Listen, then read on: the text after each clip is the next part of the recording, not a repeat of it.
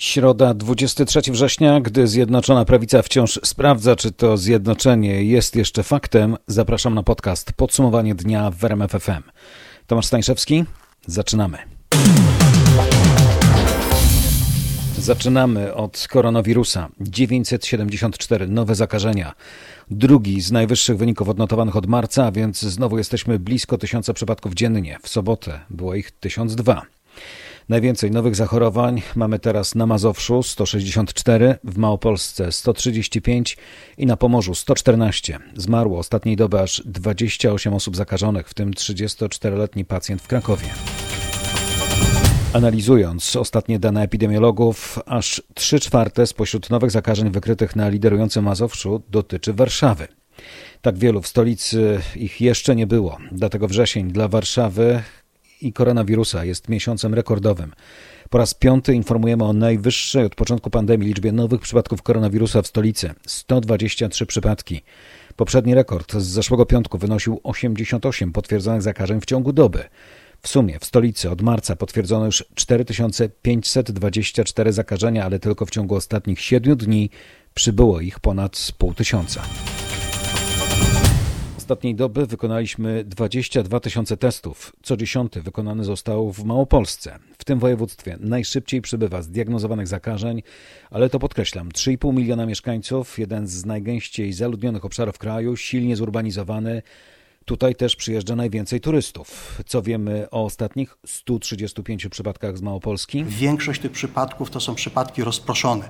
To są sumy maleńkich ognisk rodzinnych, które bardzo ciężko nam jest y, diagnozować, y, analizować i, i gasić. Mówił Jarosław Foremny, wojewódzki inspektor sanitarny właśnie z Małopolski. Minister zdrowia Adam Niedzielski wczoraj spotykając się z dziennikarzami podkreślał. Oczywiście spotykamy się w bardzo szczególnym czasie. Czasie, kiedy nie tylko y, mamy do czynienia z pandemią, ale kiedy ta liczba zachorowań, z jaką mamy do czynienia, zaczyna przekraczać taką psychologiczną barierę tysiąca dziennie.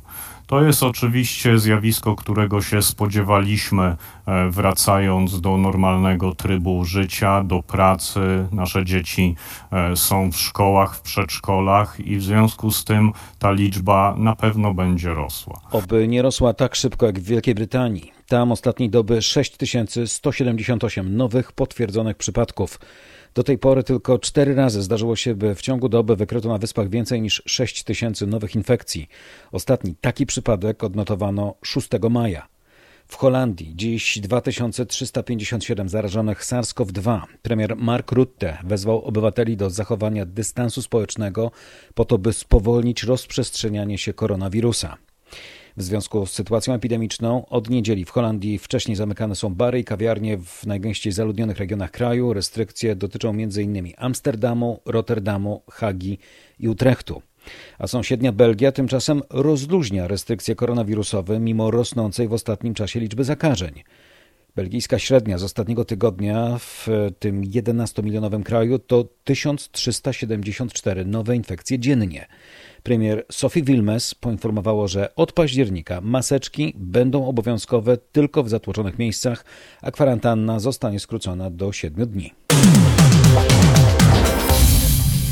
W Katowicach wieczorem ruszyła kolejna tura negocjacji związkowców z delegacją rządową w sprawie przyszłości górnictwa. Rozmawiają w Śląskim Urzędzie Wojewódzkim, tymczasem pod ziemią w siedmiu kopalniach Polskiej Grupy Górniczej protestuje już ponad 400 górników.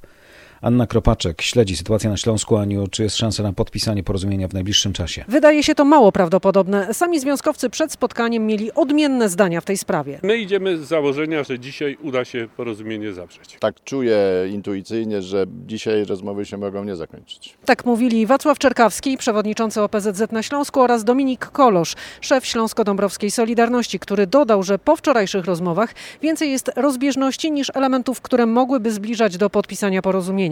Artur Soboń, wiceminister aktywów państwowych, mówił, że presja czasowa nie jest najważniejsza, choć ma na uwadze górników, którzy w trudnych warunkach protestują pod ziemią. Według związkowców transformacja Śląska powinna być rozłożona na prawie 40 lat. Strona społeczna ocenia, że realizacja projektowanej przez resort klimatu polityki energetycznej oznaczałaby zamknięcie kopalni węgla kamiennego najpóźniej do, uwaga, 2037 roku. Teraz w podsumowaniu dnia piątka dla zwierząt. Senacka Komisja Ustawodawcza zajmuje się nowelizacją ustawy o ochronie zwierząt. Posiedzenie zorganizowano w formule konsultacji społecznych z udziałem organizacji zajmujących się ochroną zwierząt, a także skupiających przedsiębiorców, pracodawców i zainteresowanych rolników.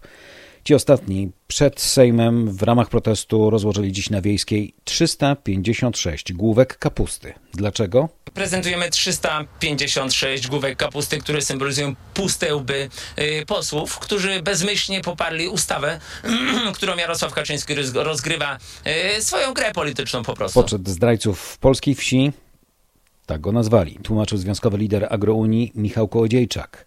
Sejm, przypominam, w nocy z czwartku na piątek przegłosował nowelę ustawy o ochronie zwierząt, której przepisy podzieliły koalicjantów Zjednoczonej Prawicy.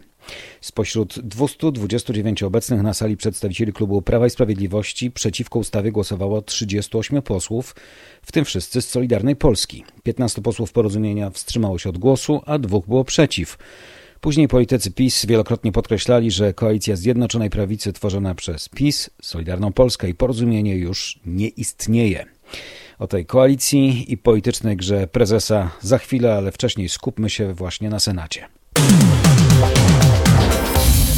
Tam w stronę piątki dla zwierząt krytyka popłynęła niemal ze wszystkich stron, a wielogodzinnym konsultacjom przysłuchiwał się Tomasz Skory. Najsilniej brzmią argumenty ekonomiczne. Według szefa Związku Polskiej Mięsu skutki ustawy będą opłakane. Likwidacja kilkunastu tysięcy miejsc pracy w polskich zakładach mięsnych, utrata rynków eksportowych, straty dla budżetu państwa sięgną miliardów złotych. Weterynarze za absurd uznają z kolei udział w każdej ich interwencji obrońców zwierząt. Ci nie pozostają dłużni i sypią przykładami. Cyrk był kontrolowany przez 18 różnych powiatowych lekarzy weterynarii i żaden z nich nie zauważył, że niedźwiedź nie ma pazurów, kłów oraz cierpi na poważny zanik mięśni. W dyskusji przeważają jednak racje ekonomiczne. Przedstawiciel branży futrzarskiej zapowiada katastrofę tysięcy wygaszanych w ciągu roku zakładów. Odbiorą nam ziemię i nasze domy, które wystawiliśmy pod zastaw. Jeżeli bank nie widzi perspektywy rozwoju danej branży, zażąda natychmiastowej spłaty zobowiązań. A kredyty hodowców sięgają 3 miliardów. W Senacie wysłuchania, a na wiejskiej, jak mówiłem, protestujący rolnicy i hodowcy ze wspomnianymi już główkami kapusty. Przekazujemy tę symboliczną główkę kapusty, czyli pusta głowa tych wszystkich polityków, którzy zagłosowali za piątką dla zwierząt. Skąd pan przyjechał? Spod się radzą. I co wejście w życie tej ustawy dla pana, pana gospodarstwa oznaczałoby? Już ceny drobiu i bydła poleciały w dół przy samym ogłoszeniu, że są zamiary takiego wprowadzenia. Mojego gospodarstwa na przykład, i jakby brać najczarniejszy scenariusz, to jest y, strata rzędu nawet kilkunastu milionów złotych, biorąc pod uwagę całe gospodarstwo. Nawet y, bankructwo gospodarstwa. Z jednym z protestujących rolników rozmawiał nasz reporter Michał Dobrołowicz. No to teraz zapowiadana polityczna gra prezesa, którą koalicjanci bawią się już prawie tydzień. Po raz kolejny na Nowogrodzkiej spotkało się kierownictwo prawych i sprawiedliwych. Dziennikarze czekali i pytali między innymi Ryszarda Terleckiego. Czy pan e, Ziobro dzisiaj się tutaj pojawi? Czyli to jest tylko spotkanie kierownictwa. Ale koalicja przetrwa. Zobaczymy. A decyzje 15-16 to się nie zmieni, będą już ostateczne? No będą co do koalicji z pewnością. A te warunki to jakie? Te koszta? To powiemy wszystko na końcu. A Zbigniew Ziobro spotkał się z Jarosławem Kaczyńskim raz jeszcze, czy tylko to jedno poniedziałkowe spotkanie miało miejsce? Pełkowe. Jeszcze raz?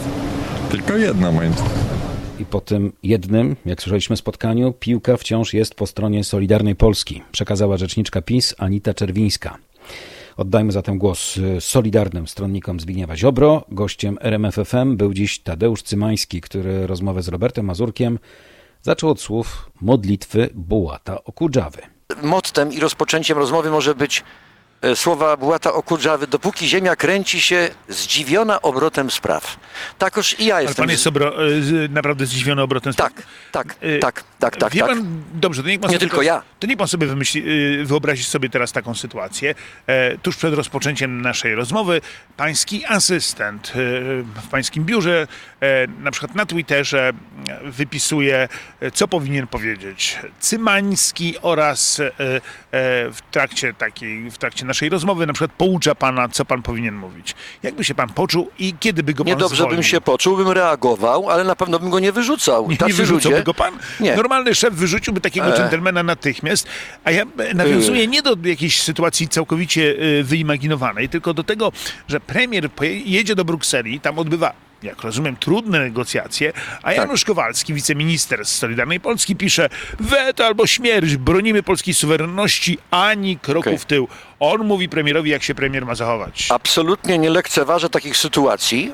Oceniam je y, krytycznie, natomiast to, że jest opinia, panie redaktorze, pozwoli Absolutnie pan, nie że... lekceważę takich sytuacji. Niech Odniosę pan- się do nich w poniedziałek na konferencji Proszę prasowej. pana, Donald Tusk. proszę pana, tak, no to wykorzystują przeciwnicy, ale proszę zwrócić uwagę, to jest, działa w, w, we wszystkie strony. Są wypowiedzi również ze strony najważniejszego hegemona, czyli PiSu. Jedno, wypowiedź jednego, nawet prominentnego polityka, to nie jest stanowisko partii. Ale to nie o to chodzi. Y, Młodzi wiceministrowie y, z Solidarnej Polski pouczają wszystkich jak leci. No. Z, perspektywy Prawa i Sprawiedliwości Y. rodzi się wrażenie, proszę pozwolić dokończyć, Tak. że ogon merda psem. A, i, a Joachim Brudziński mówi, chcecie rządzić? Wygrajcie wybory. Jeszcze raz podkreślam, ocena koalicji uczciwa, nawet surowa, to jest ocena jej działania przez ostatnie 4 lata.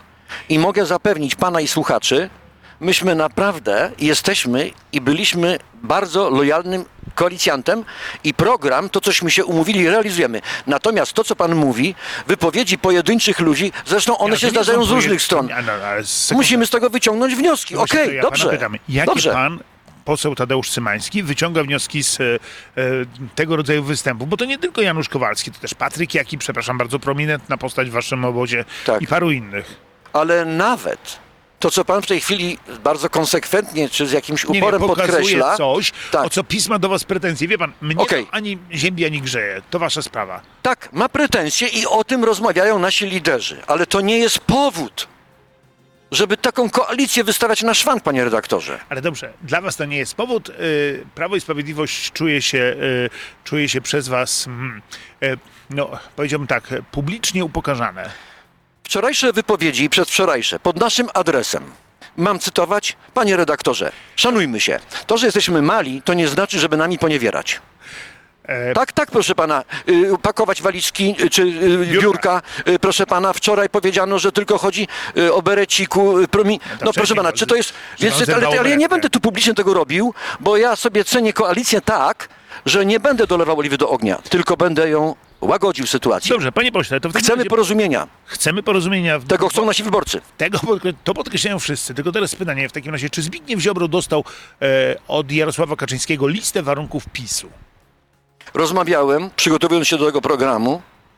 Te propozycje i nazwijmy to warunki, to wszystko my daliśmy placet Zbigniewowi Ziobrze. Waszym, naszym podstawowym warunkiem jest to, żeby był ministrem, natomiast jesteśmy otwarci na rozmowy o sprawie y, ustawy o zwierzętach, o covidowej. Chcemy rozmowy i y, nasze nawet przekonania nie są ważniejsze od trwania tej koalicji. Ona jest bezcenna. Cała rozmowa z Tadeuszem Cymańskim o bezcennej koalicji, o ustawach i o Okudżawie na filmie na rmf24.pl. Polecam. Piłka cały czas, jak słyszeliśmy, po stronie Solidarnej Polski. Wszystko zależy od ich decyzji, ale rzeczniczka PiS nie zdradziła, jakie warunki Kaczyński postawił Zbigniewowi Ziobrze. Kierownictwo PiS po południu się rozeszło, spotkali się politycy Solidarnej Polski. Nikt nic oczywiście nie mówi, wszyscy tylko piszą krótkie komunikaty na Twitterze. To ostatnio łączy i PiS, i Solidarną Polskę. Rzecznik partii Jan Kantak zaćwierkał, że prezes Zbigniew Ziobro ma upoważnienie zarządu do dalszych rozmów w sprawie zasad współpracy przy realizacji programu Zjednoczonej Prawicy. No i wieczorem znowu Ziobro spotkał się z Jarosławem Kaczyńskim.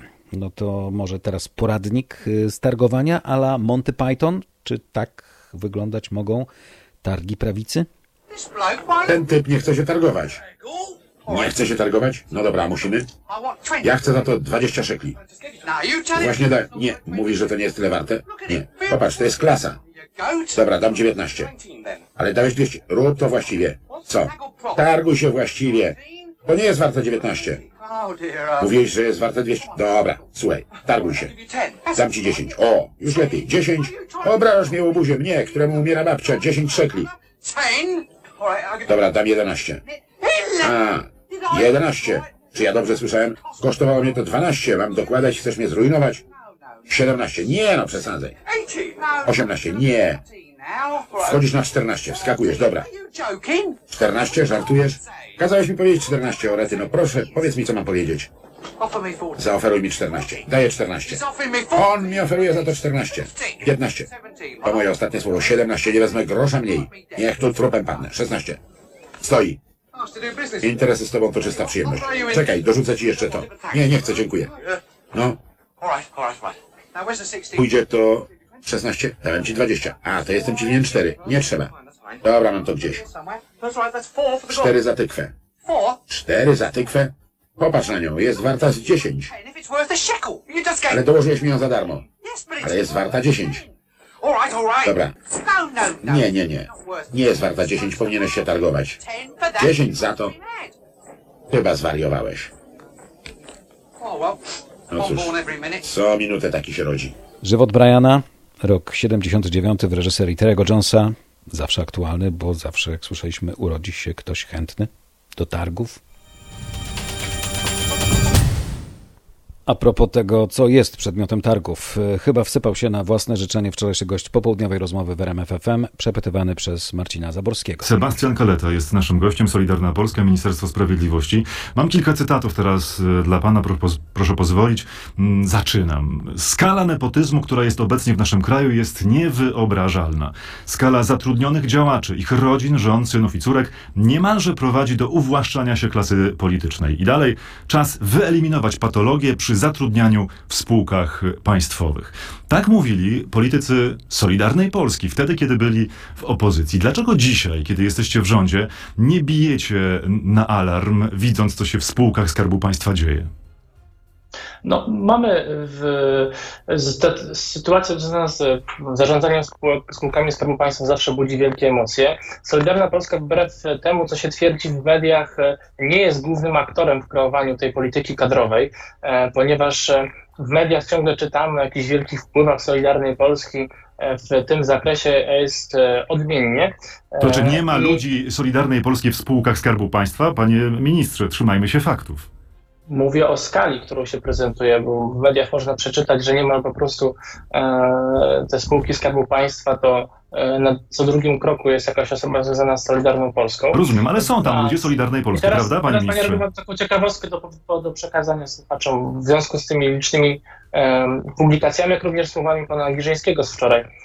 Mianowicie okazuje się, że e, podczas negocjacji przygotowano specjalny raport, który miał pokazywać, e, czy rzeczywiście dochodzi do jakiegoś nadmiernego powiązania osób, które zarządzają największymi spółkami Skarbu Państwa z e, tym czynnikiem politycznym, bo eksperci, którzy doradzają partiom, są w think tankach, czasami jak partia przejmuje władzę, ich na, miejscem naturalnym do funkcjonowania mogą być spółki Skarbu Państwa, gdzie konkretnymi sektorami się zajmują. I okazuje się, że ten raport, który był przedstawiony podczas negocjacji, bardzo szczegółowo opracowany, wskazał, że Solidarna Polska z wszystkich partii koalicyjnych ma najmniejszy wpływ, najmniejszy udział w zarządzaniu spółkami Skarbu Państwa spośród wszystkich koalicjantów, również proporcjonalnie. Ale to ma was usprawiedliwiać, panie ministrze? Chwileczkę. pół, poniżej, poniżej pół procenta, więc e, z wszystkich... E, Pół, procent, pół procenta to są ludzie Solidarnej Polski wśród wszystkich e, ludzi. Te wszystkie e, krótko pytania dotyczące e, zarządzania spółkami Skarbu Państwa jesteśmy tutaj najmniej, można powiedzieć, e, podmiotem, który ma na to wpływ. ale Nie, nie, panie ministrze. E, Pytanie jest takie, proszę pozwolić. Napisaliście w opozycji projekt ustawy, który, który miał zakończyć to, że ludzie z partii politycznych trafiają do spółek. Mówiliście tak, po wejściu w życie tej ustawy nie będzie możliwe zatrudnienie znajomych, swoich kolesi, żony, siostry, córki czy babci.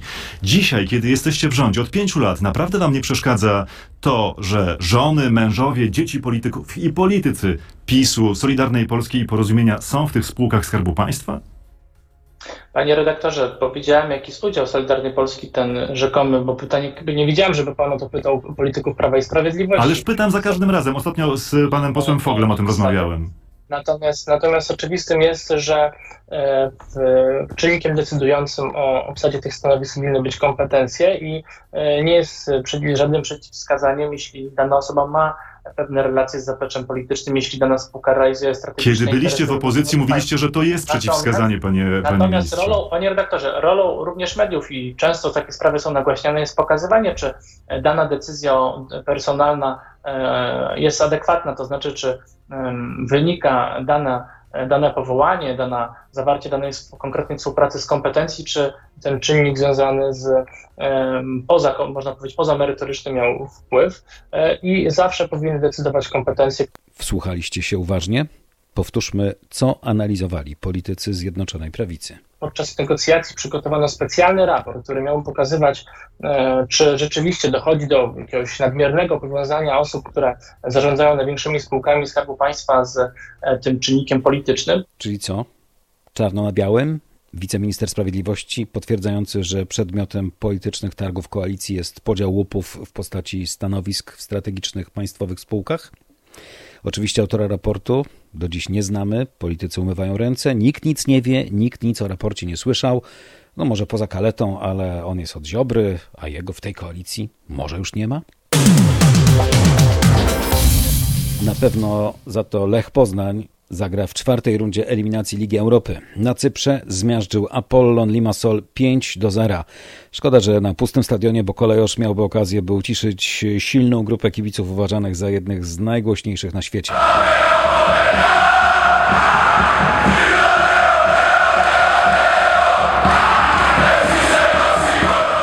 Tak właśnie bywało na meczach Apollonu. Teraz zespół Dariusza Żurawia czeka na zwycięzcę jutrzejszego meczu Charleroi z Partizanem Belgrad. No i z tym zwycięzcą zagrał fazę grupową i niezłe pieniądze od UEFA w Lidze Europy. Na koniec e, podsumowania.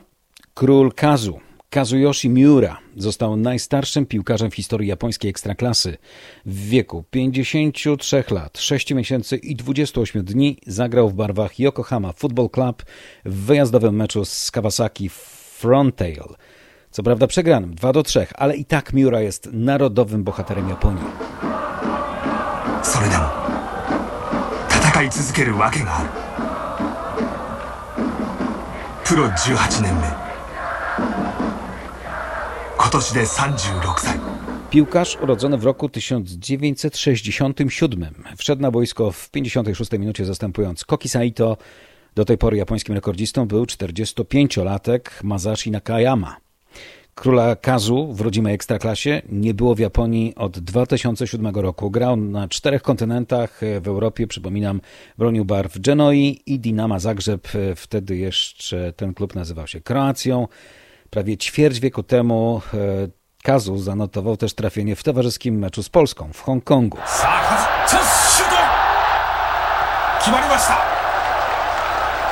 日本の4点目はカズが取りました後半の16分 to był dokładnie rok 96.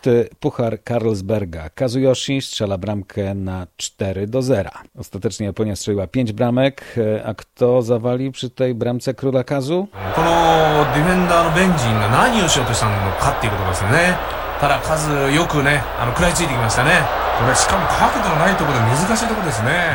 Kazimierz Węgrzyn niefortunnie główkował. Piłkę z siatki wyciągał potem Andrzej Woźniak, trenerem biał-czerwonych był Władysław Stachurski. No i tą kartką z futbolowej historii kończymy podsumowanie dnia w RMF FM. Tomasz Stańszewski, dziękuję, do usłyszenia.